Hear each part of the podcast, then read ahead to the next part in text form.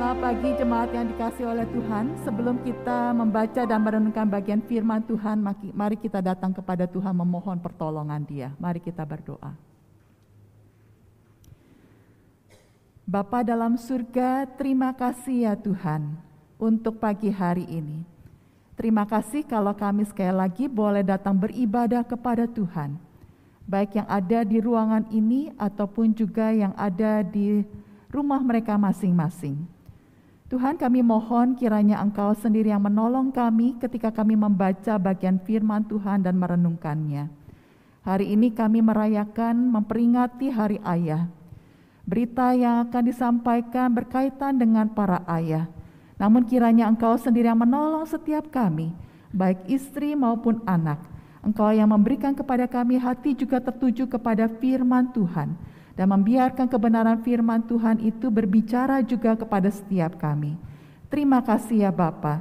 Kami serahkan akan hambamu di dalam segala keterbatasan dia, kiranya engkau mengurapi dia untuk dapat menyampaikan kebenaran firman Tuhan. Terima kasih ya Tuhan. Di dalam nama Tuhan Yesus kami berdoa. Amin.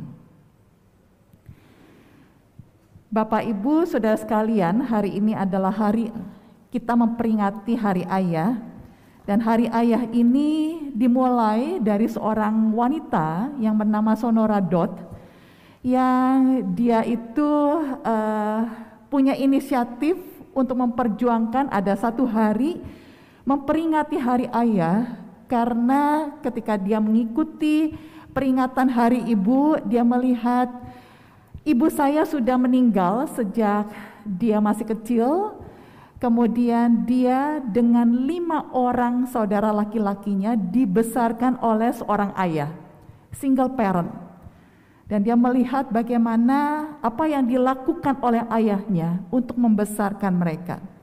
Sehingga dia mengajukan untuk adanya satu hari, hari ayah. Nah Bapak Ibu sekalian, hari ayah yang pertama itu diperingati tanggal 19 Juni. Hari yang sama dengan hari ini. 112 tahun yang lalu. Ya. Jadi hari ini kita memperingati Hari Ayah dan di dalam Hari Ayah ini ada satu topik tema yang kita akan renungkan khususnya perenungan bagi para ayah. Judul daripada topik perenungan ini adalah Ayah apa yang kau wariskan. Ayah apa yang kau wariskan. Nah, bicara tentang warisan, kita biasanya mendengar tentang warisan ini itu kaitannya dengan seperti ini Bapak Ibu. Warisan itu punya pengertian pengalihan, sebetulnya pengalihan kepemilikan dari satu orang ke orang berikutnya. Dan biasanya dilakukan pada waktu seorang itu telah meninggal dunia, pengalihan kepemilikan benda harta ini diberikan kepada umumnya kepada keturunannya. Jarang sekali ini diberikan kepada orang-orang lain. Satu kali saya pernah diceritakan oleh ayah saya, dia bilang begini, dia punya seorang teman orang dari Taiwan yang ayahnya itu kaya raya. Kaya raya, tetapi dia sudah mengatakan ayah ini sudah mengatakan kepada anak dan cucunya bahwa kekayaannya tidak akan diwariskan kepada anak dan cucunya. Kekayaannya akan diserahkan kepada lembaga sosial. Sedangkan bagi anak dan cucunya, dia mengatakan kalau kamu mau sekolah di sekolah mana pun juga di dunia ini, mau setinggi apa pun juga, saya akan membiayai kamu. Tapi mengenai harta yang saya miliki ini, tidak akan diberikan kepada anak dan cucu.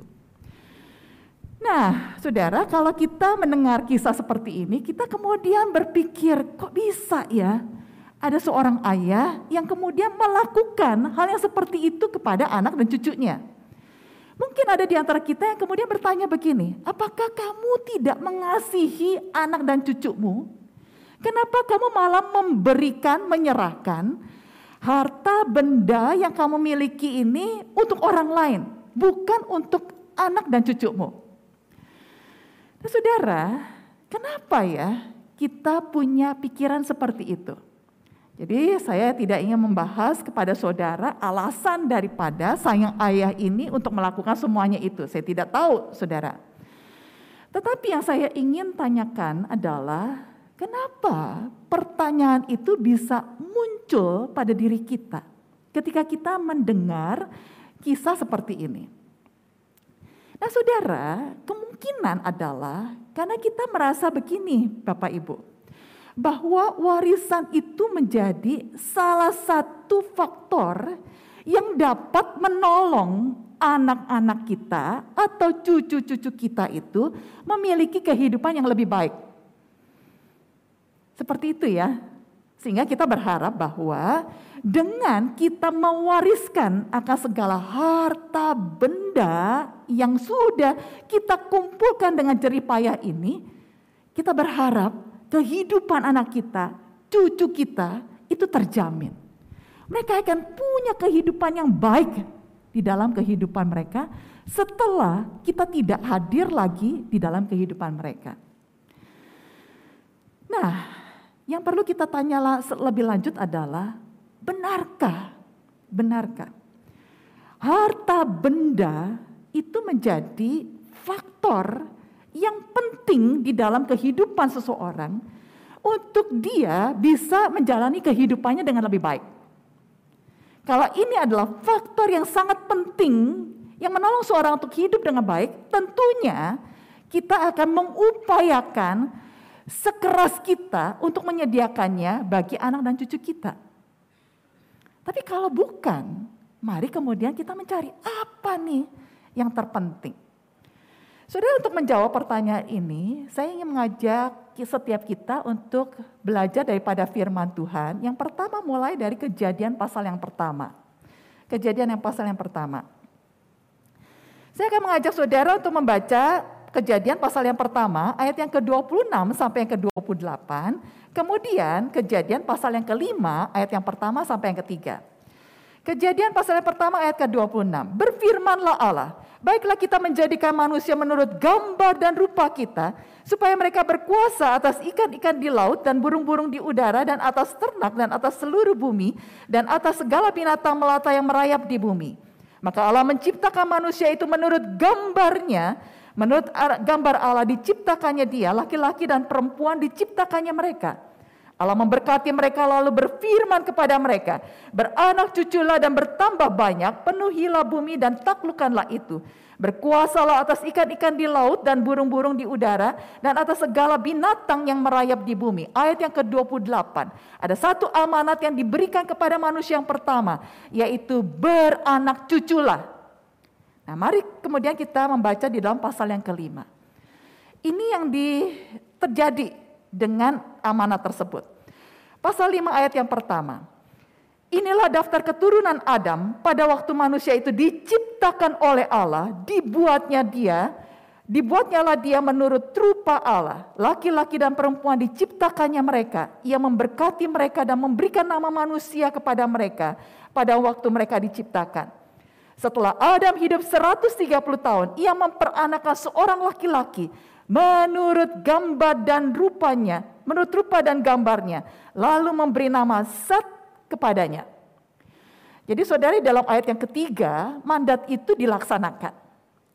Nah, di dalam pembacaan kita kepada ayat-ayat ini, kita menemukan bahwa ada pengulangan-pengulangan yang diucapkan. Kalau misalnya kita memperhatikan ayat-ayat ini, yang diulang-ulang itu adalah gambar dan rupa gambar dan rupa, rupa, gambar dan rupa. Seperti itu bukan? Ya. Sudah apa maksudnya saudara? Jadi di dalam penciptaan penciptaan manusia, Tuhan menciptakan manusia itu dengan satu tujuan, yaitu manusia dan keturunannya kemudian menghadirkan gambar dan rupa Allah kepada ciptaan yang lain di dalam kehidupan mereka. Saudara apa maksudnya menghadirkan gambar dan rupa?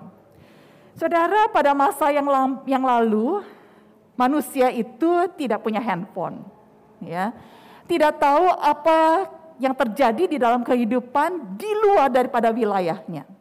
Pada masa itu mereka tidak tahu seperti apakah rupa seorang raja. Mereka tidak tahu, saudara. mereka tidak pernah ketemu dengan raja itu, sehingga yang dapat menolong mereka untuk tahu ada seorang raja di dalam uh, negara mereka, kerajaan mereka itu adalah dengan melihat gambar. Gambar itu merepresentasikan siapa yang punya otoritas tertinggi di dalam kerajaan mereka. Sehingga saudara ketika dikatakan Tuhan menciptakan manusia menurut gambar dan rupanya, tujuannya adalah supaya manusia ini kemudian menghadirkan Allah di dalam kehidupan dunia ini. Manusia menghadirkan Allah di dalam kehidupan dunia ini.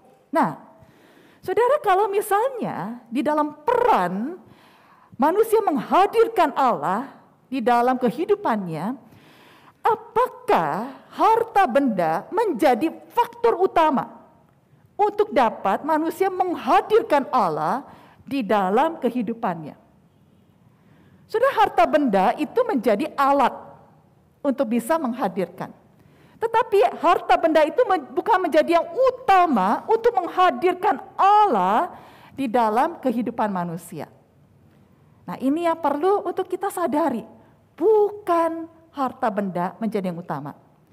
Nah, saudara, bukan hanya itu, saudara. Kalau kita melihat di dalam pasal yang kelima, ayat yang ketiga, ayat yang pertama bicara tentang manusia diciptakan menurut rupa Allah. Kemudian yang ketiga, yang menariknya adalah ini bicara tentang anak yang lahir daripada Adam. Kemudian penjabarannya dikatakan begini, ia memperanakan seorang laki-laki menurut rupa dan gambarnya. Rupa dan gambarnya siapa? Rupa dan gambarnya daripada Adam. Pada waktu Set itu dilahirkan, manusia telah jatuh di dalam dosa. Sehingga ketika dikatakan gambar dan rupa, gambar dan rupa daripada manusia yang telah jatuh dalam dosa.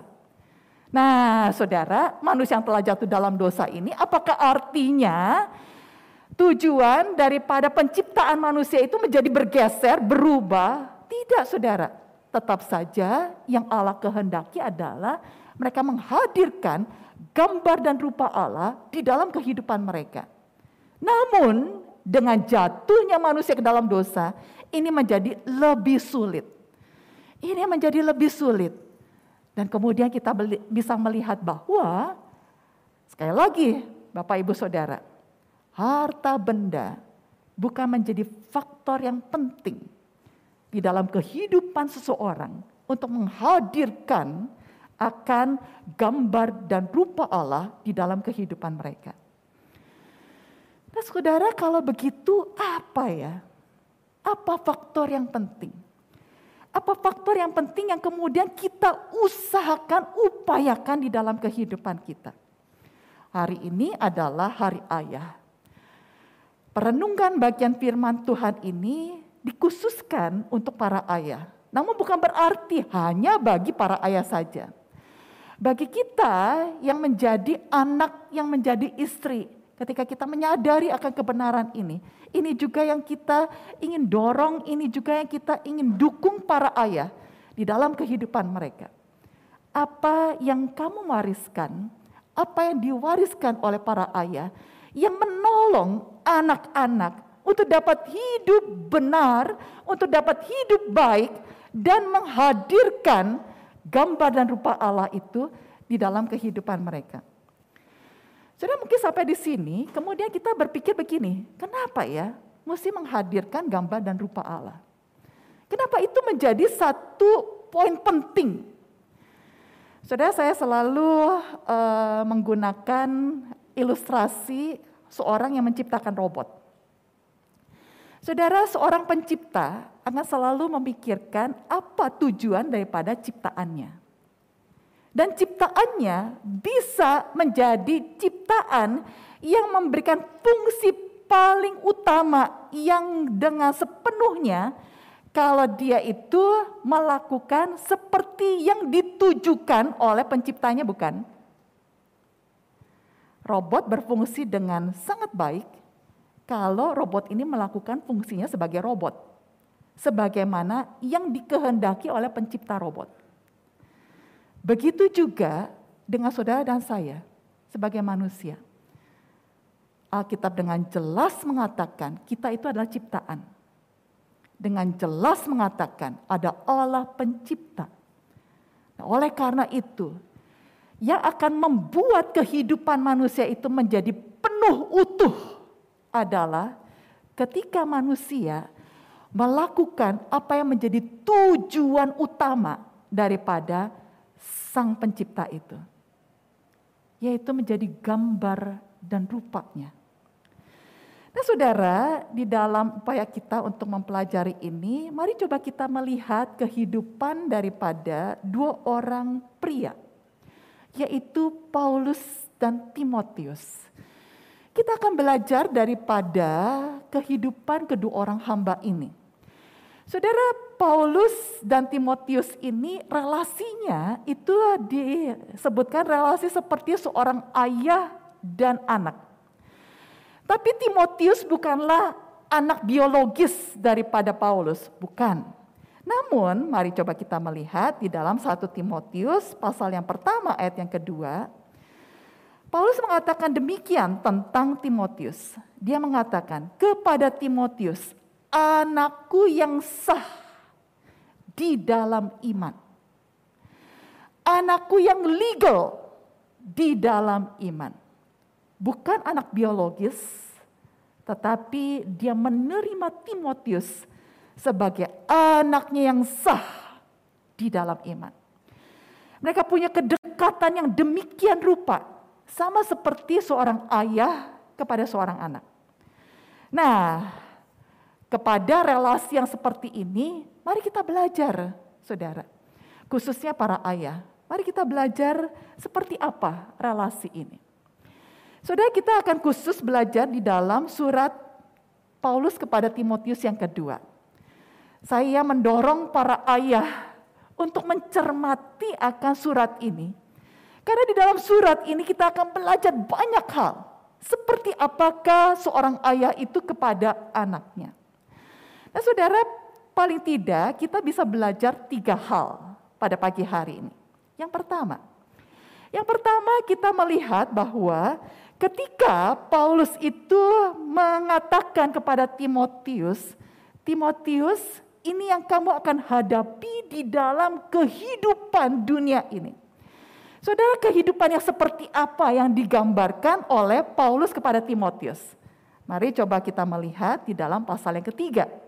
Pasal yang ketiga, kalau kita membaca mulai ayat dari ayat yang pertama sampai ayat yang kelima, kita akan menemukan ada satu gambaran kehidupan manusia yang tidak mudah. Saudara, maka dari itu di dalam ayat yang pertama Paulus mengatakan begini, ketahuilah bahwa pada hari-hari terakhir akan datang masa yang sukar.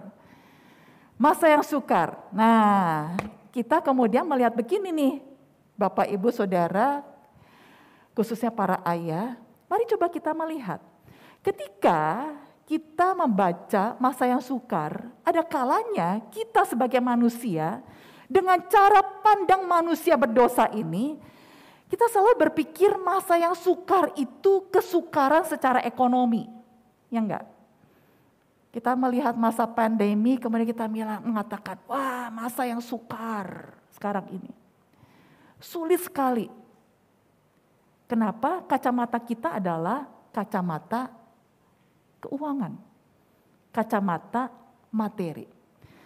Namun coba mari kita perhatikan apa yang dimaksudkan oleh Paulus kepada Timotius tentang masa yang sukar ini. Mari coba kita perhatikan deskripsinya. Ayat yang kedua. Manusia akan mencintai dirinya sendiri dan menjadi hamba uang. Ini adalah masa yang sukar. Kenapa? Karena mereka akan membual dan menyombongkan diri. Mereka akan menjadi pemfitnah, mereka akan berontak kepada orang tua dan tidak tahu berterima kasih. Tidak mempedulikan agama, tidak tahu mengasihi, tidak mau berdamai, suka menjelekkan orang, tidak dapat mengekang diri, garang, tidak suka yang baik, suka mengkhianat, tidak berpikir panjang, berlagak tahu, lebih menuruti hawa nafsu daripada menuruti Allah. Secara lahiriah mereka menjalankan ibadah mereka, tetapi pada hakikatnya mereka memungkiri kekuatannya. Saudara, gambarannya di luar daripada gambaran secara materi. Gambarannya adalah seperti apakah kejahatan manusia dan mereka jauh daripada Allah. Inilah gambaran yang katakan, there will be terrible times in the last days. Saudara kalau kita membaca gambaran ini, kita bisa melihatnya bukan yang terjadi sekarang ini. Manusia makin lama makin jauh daripada Allah. Nah di dalam kondisi yang seperti ini, untuk menghidupi yang tadi tuh kita katakan, menjadi gambar dan rupa Allah, menghadirkan gambar dan rupa Allah, tentunya semakin tidak mudah. Nah, di dalam kondisi yang semakin tidak mudah ini, apa yang utama? Saudara menarik sekali saudara di dalam 2 Timotius ini, kalau kita membaca di dalam pasal yang pertama, ketika Paulus itu bicara kepada Timotius, coba kita lihat ayat yang pertama. Ayat yang pertama. Eh, sorry, ayat yang ke-9. 2 Timotius pasal yang pertama ayat yang ke-9. Paulus kemudian mengatakan begini kepada Timotius. Dialah yang menyelamatkan kita dan memanggil kita dengan panggilan kudus. Bukan berdasarkan perbuatan kita, melainkan berdasarkan maksud dan kasih karunia-Nya sendiri yang telah dikaruniakan kepada kita dalam Kristus Yesus sebelum permulaan zaman dan yang sekarang dinyatakan oleh kedatangan juru selamat kita Yesus Kristus yang oleh Injil telah mematahkan kuasa maut dan mendatangkan hidup yang tidak dapat binasa. Nah, Bapak Ibu Saudara, kenapa saya mengatakan ini menarik? Karena ketika Paulus menuliskan surat 2 Timotius ini, dia bukannya menuliskan surat kepada Timotius yang jadi baru jadi orang Kristen. Bukan. Timotius itu sudah bersama-sama dengan dia di dalam pelayanannya. Dan dikatakan ini dua Timotius adalah surat menjelang akhir daripada kehidupan daripada Paulus. Nah kepada orang muda yang kira-kira usianya 30 sampai 40 tahun ini, Timotius ini, kemudian Paulus membicarakan lagi tentang karya keselamatan Allah di dalam Tuhan Yesus membicarakan lagi tentang Injil Allah kepada Timotius. Yang ingin mengatakan kepada Timotius, Timotius, di dalam kehidupanmu, yang utama itu adalah relasi yang benar dengan Allah. Keselamatan di dalam Kristus itu adalah yang utama di dalam kehidupan manusia. Manusia bisa memiliki segala sesuatu di dalam dunia ini namun apa artinya jika dia kehilangan nyawanya? Matius pasal yang ke-16 ayat yang ke-26. Saudara Paulus seakan-akan ingin mengatakan kepada Timotius, Timotius, di dalam kehidupanmu, peganglah terus Injil itu, berita Injil itu, keselamatan itu. Para bapak di hari ini, saya ingin mengajak para bapak untuk merenungkan di dalam kehidupan para bapak sebagai bapak yang punya anak dan cucu. Sejauh mana kita mengatakan kepada anak dan cucu kita, yang utama di dalam hidupmu itu adalah karya kasih karunia Allah yang diberikan kepadamu. Tuhan Yesus telah datang ke dalam dunia ini dan mati bagi kamu dan bagi saya Terima dia sebagai Tuhan dan Juru Selamatmu. Kehidupan kekal itu yang utama, bukan yang lain. Mengenal Kristus itu yang utama di dalam hidupmu. Punya relasi yang benar dengan Kristus itu adalah yang utama dalam hidupmu. Karena apa? Karena di dalam Kristuslah hidupmu itu akan penuh. Akan penuh Bapak-bapak, saya melihat ada yang terjadi pada masa-masa sekarang ini. Ada kalanya kita menyerahkan kepada anak-anak kita. Benar, keputusan untuk terima Tuhan Yesus sebagai Tuhan dan Juru Selamat itu adalah keputusan pribadi setiap anak-anak kita. Namun yang menjadi tugas tanggung jawab kita, kita kemudian mendorong mereka. Kita ambil bagian di dalam kehidupan mereka. Menolong mereka untuk mengenal siapakah Kristus di dalam hidup mereka. Itu yang pertama.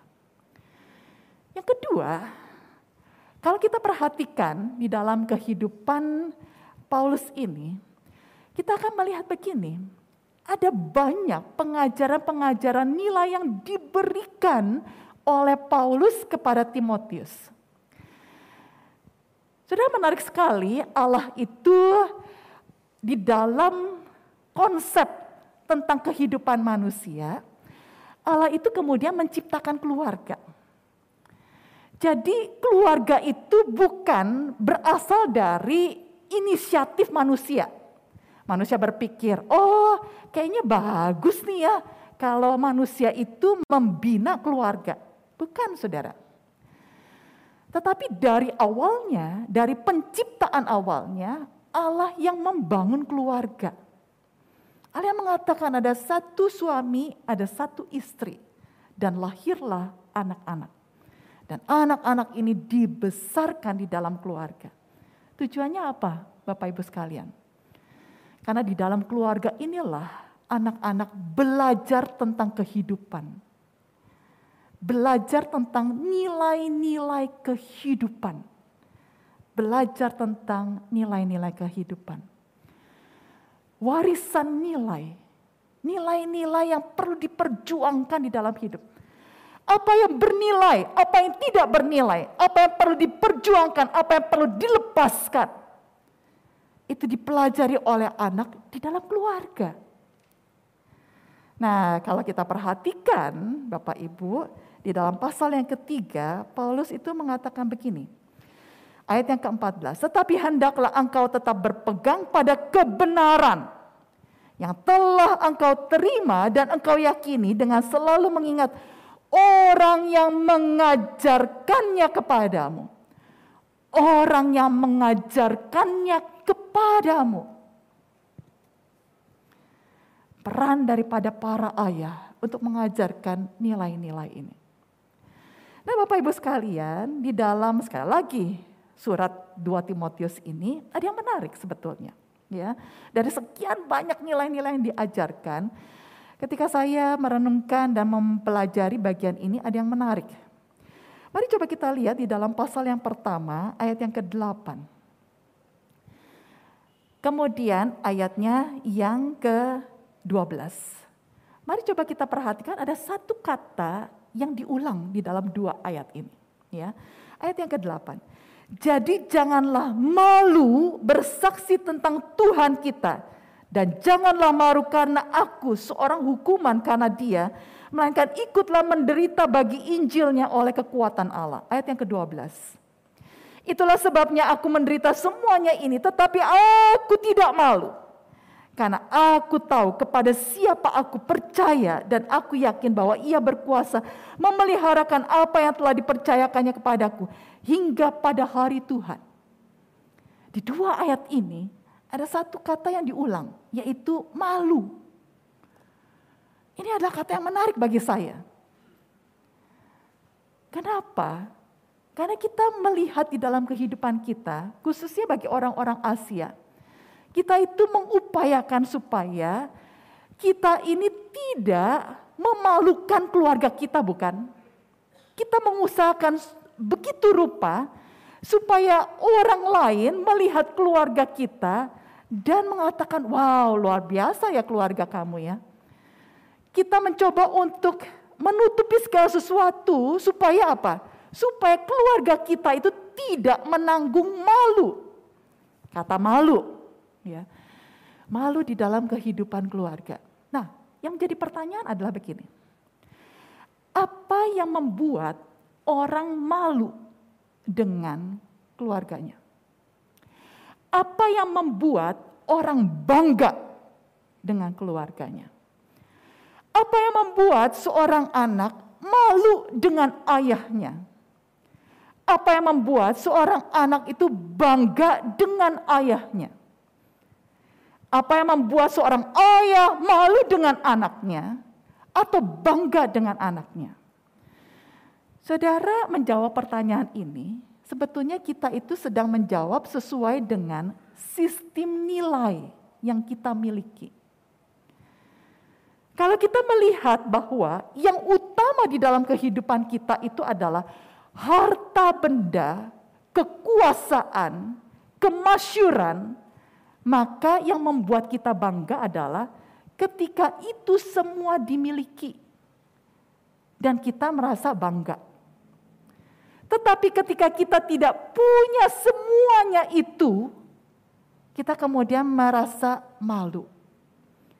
Kita malu memperkenalkan anak kita.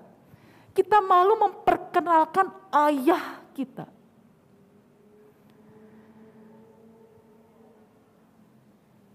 Kepada Timotius, Paulus kemudian mengatakan ayat yang ke-8.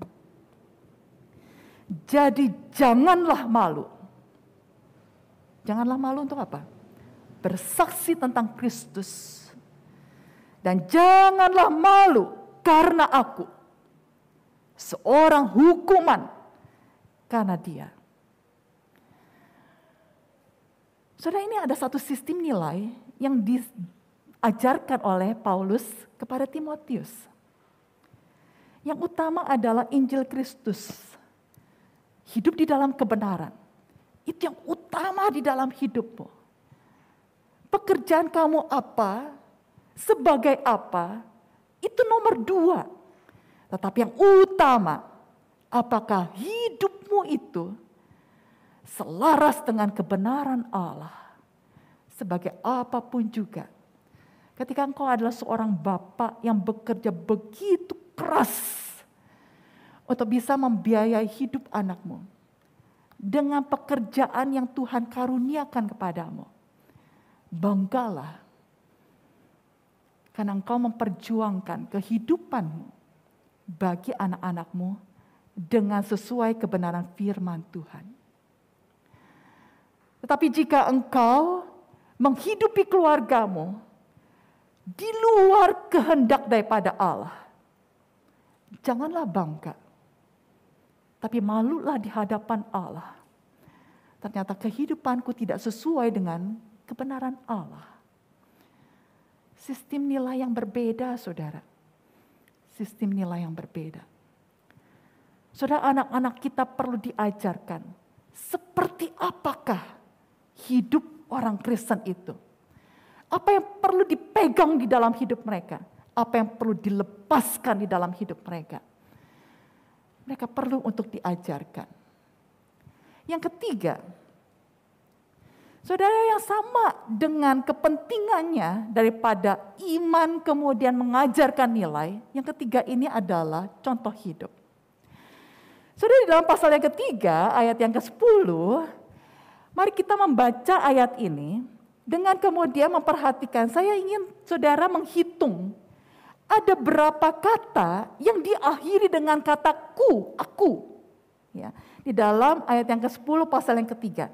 Tetapi engkau telah mengikuti ajaranku, cara hidupku, pendirianku, imanku, kesabaranku, kasihku, dan ketekunanku. Seantero kehidupan daripada Paulus. Bukan hanya dia sampaikan, dia ajarkan. Dia beritahukan kepada Timotius, ajaranku, tetapi enam hal yang lainnya itu berkaitan dengan kehidupan daripada Paulus. Dia mencontohkan apa yang dia pelajari di dalam kebenaran firman Tuhan. Yang dia hidupi di dalam kehidupannya. Yang kemudian dia katakan kepada Timotius. Timotius, ketika engkau menghadapi masa yang sukar tadi. Perubahan-perubahan nilai yang semakin hari semakin jauh daripada kebenaran firman Tuhan lihatlah cara hidupku. Contoh kehidupanku. Sudah apa sih pentingnya contoh kehidupan di dalam kehidupan seseorang? Oh saudara ketika kita menjalani kehidupan, kita menghadapi bahwa kehidupan itu tidak semudah yang kita bayangkan. Apalagi bagi seorang anak ketika dia memasuki usia dewasa. Dia belajar struggle dengan hidupnya. Tidak mudah kehidupan itu. Tapi kalau ada contoh di dalam hidupnya, dia melihat ayahnya yang sudah hidup lebih dulu dari dia, melakukannya, berjuang, dan memenangkannya. Dia tahu satu hal, walaupun saya sulit untuk menghadapinya, tapi saya tahu bahwa pada akhirnya saya akan memenangkan struggle ini. Kenapa? Karena saya lihat kehidupan ayahku. Contoh kehidupan. Bapak, ibu, saudara, khususnya para bapak, mungkin di dalam kehidupan kita, khususnya di dalam zaman ini, kita merasa begini: benarkah ya kebenaran firman Tuhan itu bisa dihidupi di dalam kehidupan kita sehari lepas sehari? Saudara, sebetulnya ada banyak contoh-contoh kehidupan. Orang-orang yang menjalani kehidupannya dengan berupaya keras untuk hidup di dalam Tuhan. Nah, saya ingin memperkenalkan kepada seorang kepada saudara, seorang bapak. Bukan berarti dia sudah sempurna, tidak. Masih jauh dari sempurna. Tetapi dia adalah seorang ayah, seorang suami, seorang anak Tuhan di dalam hidupnya itu serius dengan apa artinya menjadi orang percaya. Saya pernah membaca buku ini, Bapak Ibu. Judulnya Balancing Your Family, Faith and Work. Membalanskan kehidupan keluarga, iman, dan pekerjaan. Yang dikarang oleh seorang bernama Patrick Gelsinger atau yang dipanggil dengan Pat Pat Gelsinger. Siapakah Pat Gelsinger? Kalau Bapak Ibu uh, googling ya, Bapak Ibu akan menemukan bahwa dia adalah seorang CEO, CEO dari perusahaan Intel. Perusahaan Intel itu yang berkaitan dengan komputer kita, ya. Nah, dia adalah seorang CEO dari Intel. Saudara, apa latar belakang dia? Apakah dia dilahirkan dari keluarga yang mapan? Oh, bukan. Dia dilahirkan dari keluarga seorang petani. Ya. Kemudian dia menceritakan bahwa pada dasarnya ayahnya tidak bisa untuk menyekolahkan dia untuk mendapat gelar S1, 2, dan 3. Tetapi Tuhan memimpin dia untuk mulai bekerja di perusahaan komputer dengan mulai dengan sebagai technician yang mem, uh, apa, orang mekanik di dalam uh, apa, komputer tersebut. Nah saudara, dia mengatakan begini, pada awalnya saya tahu kalau saya itu lahir di dalam keluarga Kristen. Dan saya berpikir di dalam kehidupan saya, saya adalah orang Kristen. Sampai kemudian Tuhan bawa dia ke uh, daerah California. Di situ kemudian dia itu mengikuti ibadah. Di ibadah itu dia belajar kebenaran firman Tuhan. Di dalam Wahyu pasal yang ketiga ayat 15 sampai 16. Bicara tentang orang Kristen yang tidak panas, tidak dingin, tapi suam-suam kuku. Kemudian ketika dia mendengarkan itu semua dia tahu, sayalah orang Kristen itu. Sayalah orang Kristen yang suam-suam kuku itu. Yang hanya datang ke gereja saja. Tetapi kehidupannya tidak mencerminkan akan kehidupan seorang pengikut Kristus. Dia kata di situlah dia terima Tuhan Yesus sebagai Tuhan dan Juru Selamatnya. Dan dia mengambil komitmen. Saya akan menjadi orang Kristen 100%. Orang Kristen 100%. Setelah itu beberapa bulan kemudian, dia merasa ada satu kegelisahan. Tuhan ingin dia itu menjadi hamba Tuhan. Kemudian dia pikir, jadi hamba Tuhan, saya mencintai apa yang menjadi pekerjaan saya. Saya menikmatinya. Saya ingin bekerja di bidang ini. Tetapi kegelisahan itu terus ada pada hatinya. Sampai akhirnya dia kemudian mengambil keputusan, baik Tuhan, saya akan menjadi hamba Tuhan. Ketika dia menyatakan akan hal tersebut, kemudian Tuhan mengatakan bahwa ladang pelayanannya itu adalah tempat kerjanya. Ladang pelayanannya adalah tempat kerjanya. Jadi saudara dia tidak masuk ke seminari, tetapi dia tahu sejak saat itu dia adalah seorang pelayan Tuhan di tempat kerjanya. Saudara itu yang kemudian dia hidupi saudara. Sebagai orang Kristen, 100% orang Kristen dan 100% pelayan Tuhan. Saudara dalam buku ini, dia kemudian membicarakan tentang bagaimana membalancekan kehidupannya. Nah saudara, dia menceritakan di salah satu YouTube-nya kalau saudara bisa mendapat apa browsing di YouTube, saudara akan ketemu dengan pembicaraan yang dia sharingkan kepada orang-orang. Dia mengatakan begini, ketika dia bekerja, dia adalah seorang pekerja keras. Kemampuan dia bekerja itu diakui oleh orang-orang di tempat kerjanya. Makanya dari seorang technician bisa sampai menjadi seorang CEO saudara. Pada usia 31 tahun, dia menjadi vice president daripada perusahaan uh, komputer tersebut. Nah saudara, orang yang punya kapabilitas yang besar. Kemudian dia mengatakan begini, pada waktu dia bekerja, kemudian dia menentukan prioritasnya. Prioritasnya apa? Yang pertama itu adalah pekerjaan. Yang kedua itu adalah keluarga. Di manakah Allah? Allah itu menjadi yang ketiga.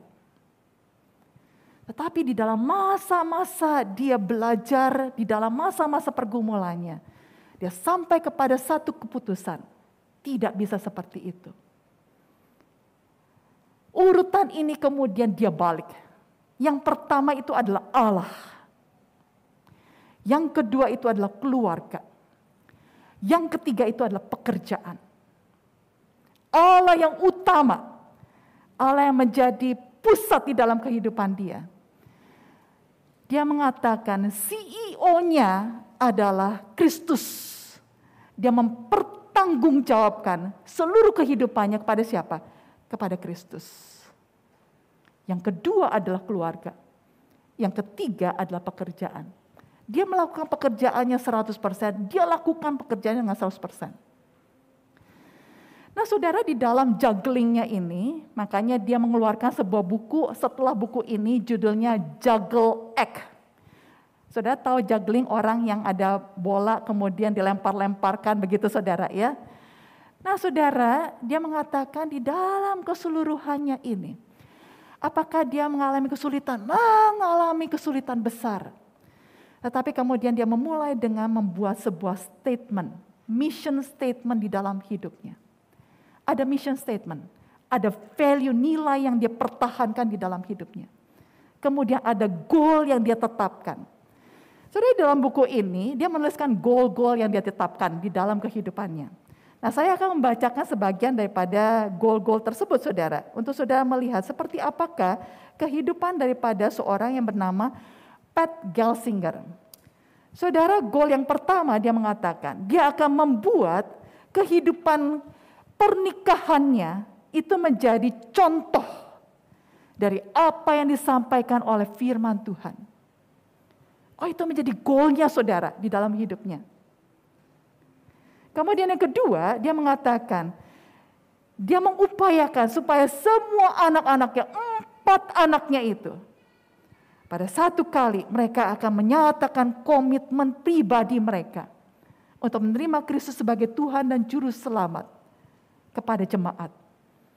Dan dia mengatakan menjadi bagian tugas tanggung jawabnya untuk bertindak, memainkan peran yang aktif di dalam pertumbuhan iman anak-anaknya. Saudara itu goal keduanya saudara. Saudara apa yang menjadi goal kita di dalam kehidupan kita?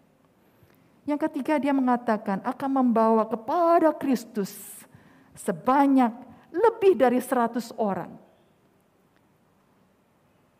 Saudara Tuhan kasih tempat pelayanannya, tempat kerjanya sebagai tempat dia memberitakan siapakah Kristus. Kemudian dia mengatakan salah satu goalnya juga adalah menjadi presiden daripada Intel Corporation. Untuk menunjukkan saudara, dia serius dengan pekerjaannya. Tidak main-main saudara.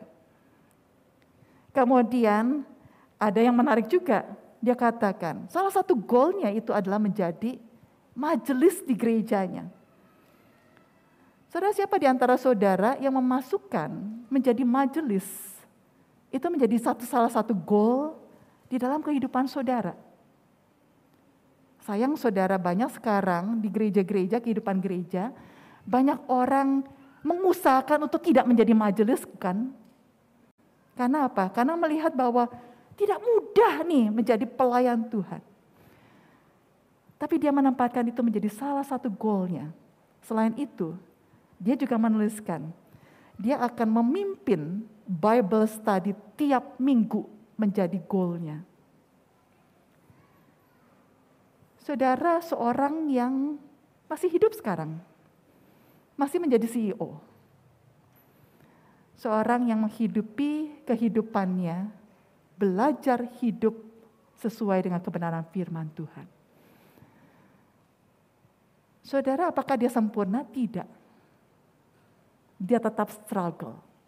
Tapi mari saudara, dengan contoh kehidupan ini, kita mengatakan, ternyata ada orang percaya di dalam hidupnya, dia menghidupi kehidupan sesuai dengan firman Tuhan. Saudara bagaimana dengan relasi dengan anak-anaknya?